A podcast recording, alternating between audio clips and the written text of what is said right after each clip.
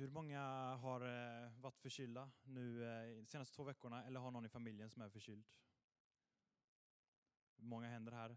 Jag tänker att det är många händer eh, som är hemma just nu. Det har härskat otroligt, eller härjat, förkylning här i församlingen. Jag har märkt att nästan alla har varit förkylda. Jag var sängliggande förra veckan här och har precis fått tillbaka mina krafter. Så att, det kanske hjälper mitt tempo lite, gå på låg energi. Eh, vi ska prata om, eh, om ansikte idag, om, eh, om Herrens ansikte. Men först så tänkte jag bara kasta ut en liten fundering här. Har ni tänkt på hur ansiktsfixerade vi är i vår kultur? Vi har extremt mycket ansiktsfokus. Dels så har vi en hel liksom, skönhetsindustri, otroligt mycket pengar pumpas in. Det startas skönhetskliniker överallt. Man kan få ansiktet att se precis exakt ut som alla andra. Eh, och nu kommer det massa filter som gör att eh, artificiell intelligens kan göra att du får precis rätt vinkel på käkbenet, rätt vinkel på näsan och rätt svullnad på läpparna. Det finns ett väldigt fokus på våra ansikten. De ska se ut på rätt sätt. Men det är också ett fokus på var vi riktar våra ansikten. Hela reklambranschen handlar om eh, att få våra ansikten att riktas mot rätt budskap, mot rätt produkt. Att få våra ögonglober att klistras på eh, rätt reklam. Så att det finns eh, en stor eh, en kamp, vi kan kalla det en kamp, en stor kamp om våra ansikten. Och det finns en väldigt stark ansiktsfixering. Men det är faktiskt så att, eh, att Guds ord, Bibeln, Guds kärleksbudskap till oss, Eh, den är också väldigt ansiktsfixerad, men på ett litet annat sätt. Och det står väldigt mycket om Guds ansikte, om, om våra ansikten. Och idag ska vi prata lite om det och vi ska göra några nedslag i Bibeln och titta på det här med ansikten. Men det är ju inte så att, eh, att vi befinner oss i, på ja, det fjärde söndagen i advent. Vi har tänt ljus här i fyra söndagar. Eh, och vi har pratat om julen, om eh, ankomsten, Herrens ankomst. Och därför tänkte jag att vi ska börja i Lukas första kapitel. För det är ju i början av Lukas som eh, liksom julen hör hemma. Det är där vi kan läsa om när Jesus föddes. Hur går det med tempot än så länge? Är det OK? Ja.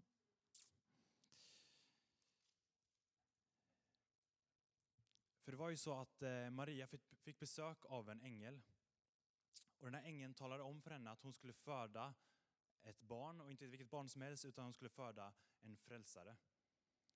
Och eh, Marias släkting Elisabet fick också besök av en ängel och fick bud om att hon skulle föda en eh, man som skulle breda väg för frälsaren eh, genom omvändelse och dop, Johannes.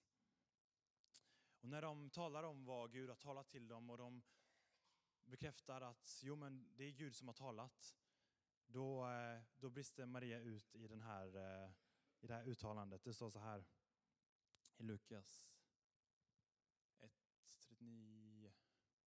Ska vi se. Kan du rulla fram lite där? En till. En till. Och så en till. En till. Det ett fel tiotal. Gå till eh, 59 där. Ja, nej, jag kan läsa. Så här står det. Lukas eh, 1.46 ska det vara. Så här står det. Marie, då sa Maria, min själ prisar Herrens storhet och min ande jublar över Gud, min frälsare. Han har vänt sin blick till sin ringa tjänarinna. Jag läser det en gång till. Min själ prisar Herrens storhet och min ande jublar över Gud, min frälsare. Han har vänt sin blick till sin ringa tjänarinna. Och sen så fortsätter hon med en proklamation om vem Gud är, hans storhet, hans makt, hans eh, medmänsklighet, hans, eh, hans kärlek. Men jag tror den här lilla frasen Eh, är en väldigt viktig fras och jag tror en, en fras som var väldigt avgörande för, för Maria. Han har vänt sin blick till sin ringa tjänarinna. Det var någonting med det som Herren hade gjort, att han hade riktat sig till henne som gjorde att hennes själ jublade, att eh, hon prisade Guds storhet. Och det här med Guds tillvända ansikte, det är ingen, eh, ingen ny tanke, utan vi kan läsa om det redan i Moseböckerna. Och jag tänkte att vi skulle hoppa eh, långt bak i Bibeln till fjärde Mosebok, där eh, det står om Guds ansikte. Så i fjärde Mosebok kapitel 6 så kan vi läsa om hur eh, Gud talar till Mose, han ger honom instruktioner om hur de ska vara Guds folk. Och han får en instruktion om eh, hur han ska lära Aron att eh, välsigna Israel. På vilket sätt han ska välsigna Israel. Och så här ska han välsigna Israel. Han ska läsa det över folket. Herren välsigne dig och bevara dig. Herren låter sitt ansikte lysa över dig och vara dig nådig. Herren vänder sitt ansikte till dig och giver dig frid. De som Guds folk ska präglas av att Herren har vänt sitt ansikte till dem och det ger dem nåd. Och Herren har vänt sitt ansikte till dem och det ger dem frid. I Guds tillvända ansikte så får de nåd och frid. Det gör någonting med vilka de är och det här som är liksom ett kännetecken för vilka de är, jo då är de, det är folket som har Guds ansikte vänt mot dem. Och det här med, eh, med Guds ansikte, det kanske blir lite mer förståeligt när vi, vi kollar på, på språket här och den här kulturen.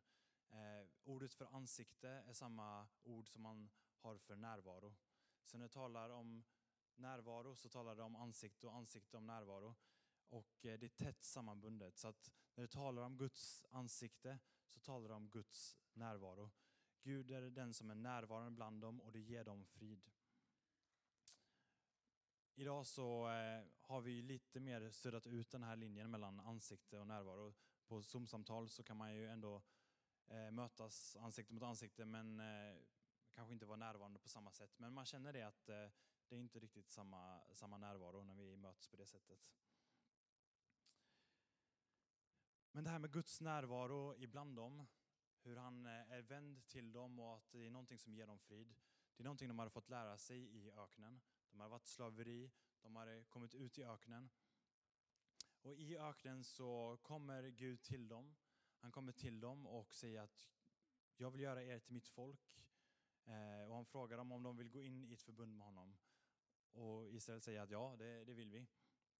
Och det här kretsar kring berget Sinai där Guds eld kommer ner på berget.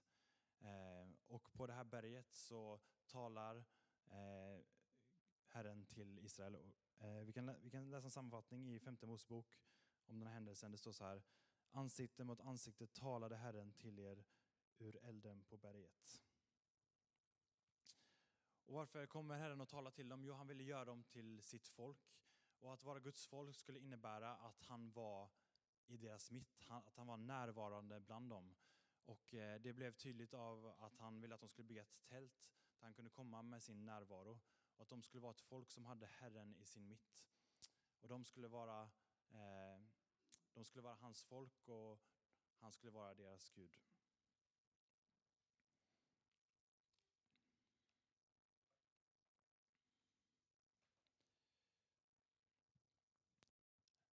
Så att, att Gud kom till dem, att Gud eh, var tillvänd till dem, att han hade sitt ansikte vänt till dem.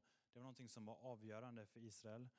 Eh, men det står sen eh, efter den här sammanfattningen om att Gud talade ansikte mot ansikte, så står det om att eh, folket var rädda och vågade inte gå upp på berget. Och här börjar vi ana någonting som är lite problematiskt. Men vi får se att Mose, han går upp på berget. Och några äldste går upp på berget och Josua går upp på berget. Och på berget så delar de gemenskap med Gud i hans närvaro. Och Mose i den här närvaron uttrycker sin djupaste längtan att få se Guds ansikte. Men Gud förklarar att eh, det här är inte eh, möjligt för dig som en människa. För Guds helighet är så stark att han inte skulle kunna överleva det mötet. Men han tillrättavisar inte Mose utan vi, vi förstår att det ändå är en god längtan. Eh, Och vi kommer komma tillbaka till den längtan. Men vi ser det här att Israel eh, inte riktigt vågade närma sig Guds eh, närvaro. Och eh, det, det visar på att eh, även om Gud är vänd mot oss så är det inte alltid självklart att vi är vänd mot honom. Och i Jeremia 32, vers 33, så kan vi få läsa om, eh, som en summering av eh, hela resan med Israel, hur det gick efter den här händelsen på berget. Och där står det så här. De vände ryggen mot mig, inte ansiktet, och fastän jag en gång eh, och fastän jag en gång och fastän de gång på gång blev undervisade ville de inte höra och ta emot tillrättavisning. De vände ryggen mot mig och inte ansiktet. Här märker vi att tanken var att Guds ansikte skulle vara vänt mot dem och de skulle ha sitt ansikte vänt mot Herren, men de vänt honom ryggen. Men det ska inte alltid vara så, men det kan vi läsa om i de kommande verserna. För det står att jag ska ge dem en enda väg och en enda vilja. Att alltid frukta mig så att det går väl för dem och deras barn efter dem. Och jag ska sluta ett evigt förbund som aldrig övergår. Jag ska fylla deras hjärtan med fruktan och vördnad. Jag ska fylla deras hjärtan med fruktan och vördnad för mig så att de aldrig vänder sig ifrån mig. De har sin rygg vänd mot mig, inte sitt ansikte. Men jag ska göra någonting med dem. Jag ska skapa ett evigt förbund med dem. Och i det här förbundet så ska de vara vända mot mig. Och vad kommer hända? Jo, jag kommer fylla deras hjärtan med fruktan och vördnad. Varför då? Jo, så att de inte vänder sig bort från mig. Så vi ser att fruktan och vördnad är någonting som är väldigt viktigt för att eh, stanna kvar inför Guds ansikte. Fruktan och vördnad är någonting som ger oss mer smak, mer smak av Guds ansikte. Det är på den platsen som Gud vill ha oss, där, där han är vän mot oss och vi är vän mot honom. Och det är någonting som fyller oss med fruktan och vördnad inför hans närvaro.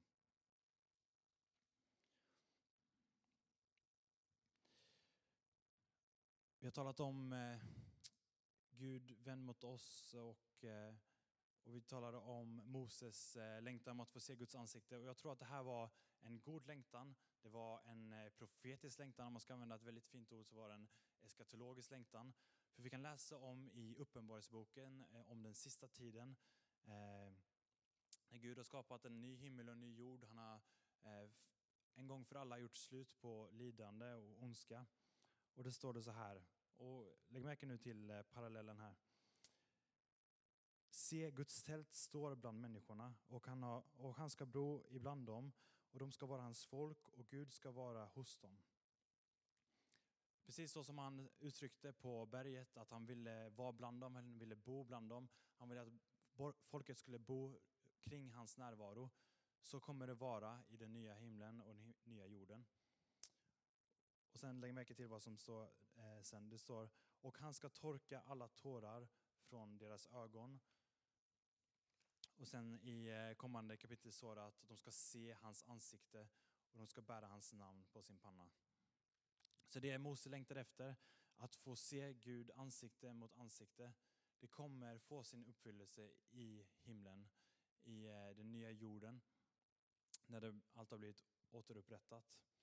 Och vi står inför ett personligt möte, vi som tillhör Gud, vi står inför ett personligt möte när han personligt kommer och står ansikte mot ansikte med oss och torkar våra tårar för sista gången. Moses längtan var god, Moses längtan var, var välsignad. Men eh, ett litet sidospår här, vi ser att eh, han kommer och torkar tårarna. Och det har sin bakgrund i att den sista tiden, den kommer bli tuff, den sista tiden kommer vara fylld av eh, lidande. Och i tider av lidande så är det viktigt var vi riktar våra ansikten. I Hebreerbrevet så har vi ett brev skrivet till en församling som är mitt i det här lidandet.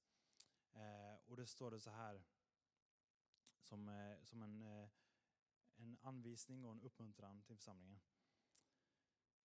När vi nu är omgivna av en sådan sky av vittnen, låt oss då även vi befria oss från allt som tynger, all synd som ansätter oss och hålla ut i det hopp vi har framför oss. Låt oss ha blicken fäst vid Jesus, trons upphovsman och fullkomnare. För att vinna den glädjen som väntade honom uthärdade han korset utan att bry sig om skammen och sitter nu till höger om Guds tron. Tänk på honom som uthärdat sådan fiendskap från syndare så att ni inte tröttnar och förlorar modet. När ni finner er i lidande så fäst blicken vid Jesus. Påminn er om vad han har gjort. Och vad kommer det här göra? Jo, det kommer göra att ni inte tröttnar och förlorar modet. Jag tror att den här, eh, den här anvisningen är någonting som är väldigt viktigt för oss. Fäst blicken vid Jesus, alltså lyft blicken. Så att ni inte tröttnar och tappar modet. För vad händer när vi tröttar och tappar bordet? Jo, vi sjunker ihop och vi hamnar och fokuserar på oss själva. Vi fokuserar på vår egen kropp och inte på, på Jesus. Och när vi fokuserar på oss själva så eh, är anklagarens röst väldigt nära, tänker jag. Eh, det här är ett knep som jag tror finnen använder ofta. Att han får oss, så fort vi börjar fokusera på oss själva, så kommer han och säger du är väldigt bristfällig, du är väldigt syndig. Du har gjort det här och det här och det här, du har sårat, du har ljugit. Och eh, sanningen är att han inte, han har ju rätt i det. Vi har gjort väldigt mycket dumt. Men det handlar inte om vad vi har gjort, utan det handlar om vad Jesus har gjort på korset. Så här kommer en uppmaning till att lyfta blicken från oss själva till korset. För det är på korset, det är i Jesus som vi blir fria och det ger oss motsatsen till tröttnad och att förlora modet. Det ger oss energi och det ger oss mod. Tror att det här eh, avslöjar lite eh, att det finns en kamp om våra ansikten. Det finns en kamp om var vi riktar vår blick. Och vi behöver fästa den vid Jesus.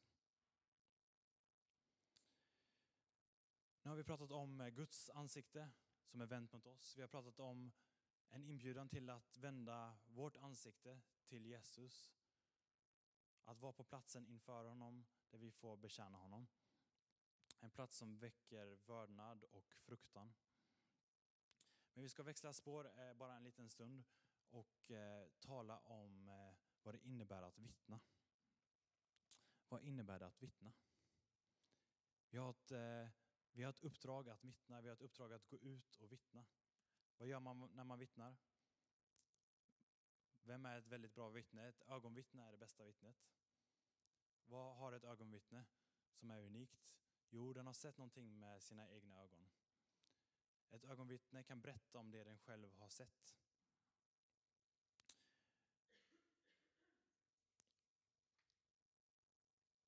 Och det här eh, församlingens tillvändhet till Gud kommer in. För jag tror att eh, församlingen är tänkt att finnas i en ständig rörelse mellan att eh, komma in på platsen inför Guds ansikte, att eh, vända vårt ansikte mot Guds tillvända ansikte, att komma in i Herrens närvaro. Och på den platsen där vi får möta Gud får vi någonting att vittna om. Vi får någonting att gå ut och berätta om. Vi får berätta om vem det är vi har mött vem det är vi har fått vara i, liksom vems närvaro vi har fått vara i, vems närvaro det är som har förvandlat oss, vems närvaro det är som har gett oss frid, vems närvaro det är som har gett oss hopp, vems närvaro det är som har gett oss nåd, helande, frihet.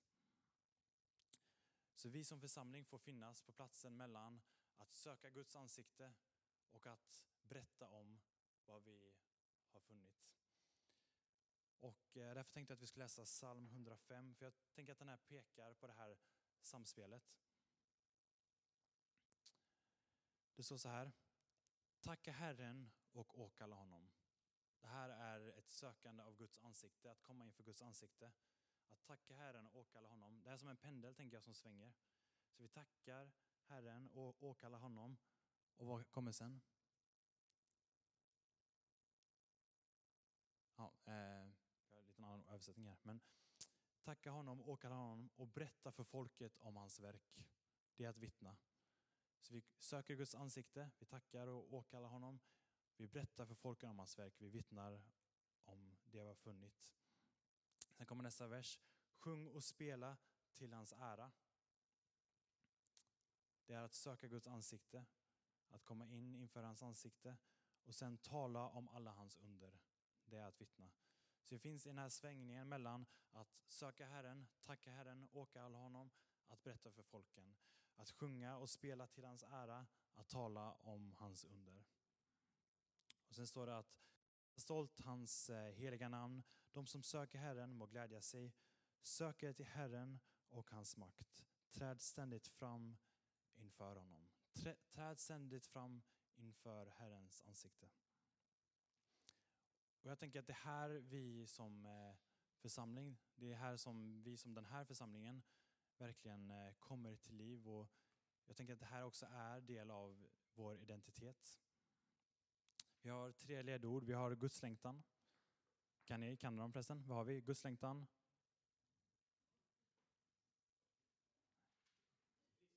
Livsglädje och, och medmänsklighet. Mycket bra.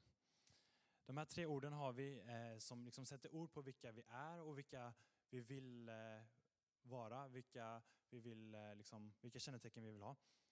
Och jag tänker att eh, gudslängtan, i det så finns det det här av att söka Guds ansikte. Vi längtar efter att få vara i Guds närvaro. Vi längtar att få se mer om vem man är. Och i medmänsklighet så finns det här om, av att vittna. Vi får berätta om det vi har funnit. Vi får berätta om en säker stad, en frihamn. Vi får berätta om en frälsare, en räddare. Så vi befinner oss mellan Guds längtan och medmänsklighet av att söka Gud och att vittna. Och jag tänker att det är i den här rörelsen som vi faktiskt hittar den sanna livsglädjen. Där har vi de tre. Guds längtan, medmänsklighet och det här samspelet ger livsglädje. Yes, vi går tillbaka till eh, julens eh, hem till eh, Lukas evangeliet. Till eh,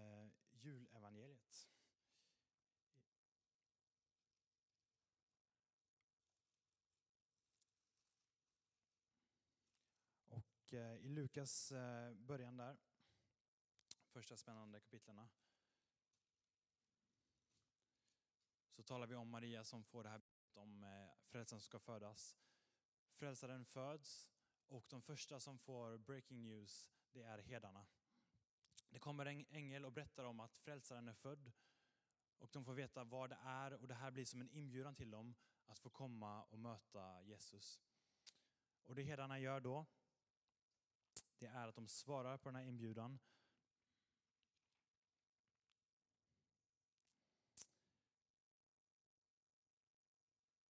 De säger så här till varandra, låt oss gå in till Betlehem och se vad det är som har hänt och som Herren låtit oss veta. Och sen så skyndar de iväg och finner Jesus. Och I vissa översättningar så står det att de springer och finner Jesus. De får höra om att det finns en frälsare och att de får möta honom. Och de springer till platsen där han är. Och när de har varit inför eh, Jesus och de har mött Jesus så går de därifrån eh, det sa, och herdarna vände tillbaka och prisade och lovade Gud för vad de hade fått höra och se. Herdarna blir inbjudna till att få komma och möta Jesus. De möter Jesus och i mötet med Jesus så väcker det pris och lov. Och jag tänker att det här är samma reaktion som Maria hade. Herren kommer till henne med ett budskap om att hon ska föda en frälsare. Och hon sätter ord på det här med att Herren har vänt sin blick till mig. Och därför så brister hon ut. Vad var det hon sa? Min själ prisar Herrens storhet, min ande jublar över min frälsare, för han har vänt sin blick till sin ringa tjänarinna. I mötet med Herrens ansikte, med, i mötet med hans närvaro, i mötet med hans uppmärksamhet, i möte med hans blick så föds lov och pris för Maria och för herdarna. Jag tänker att vi ska avsluta de här och fundera på vad, vad vårt gensvar blir. För i den här tiden i advent när vi har tänt fyra ljus har vi talat om att det kommer en frälsare. Ja, han är redan här och du får möta honom. Du får komma in på platsen där han är och du får möta honom ansikte mot ansikte. Och du har ett val. Vill du komma inför hans ansikte? Vill du vända, om du nu har ryggen eh, vänd, om vi tänker på korset här då. Om du har ryggen vänd mot eh, korset, vill du vända ditt ansikte till Herren? Vill du komma till platsen där han får fylla dig med vördan och fruktan?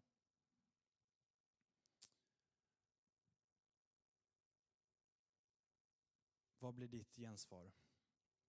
Kommer du springandes? Kommer du prisandes? Vart eh, är ditt ansikte vänt?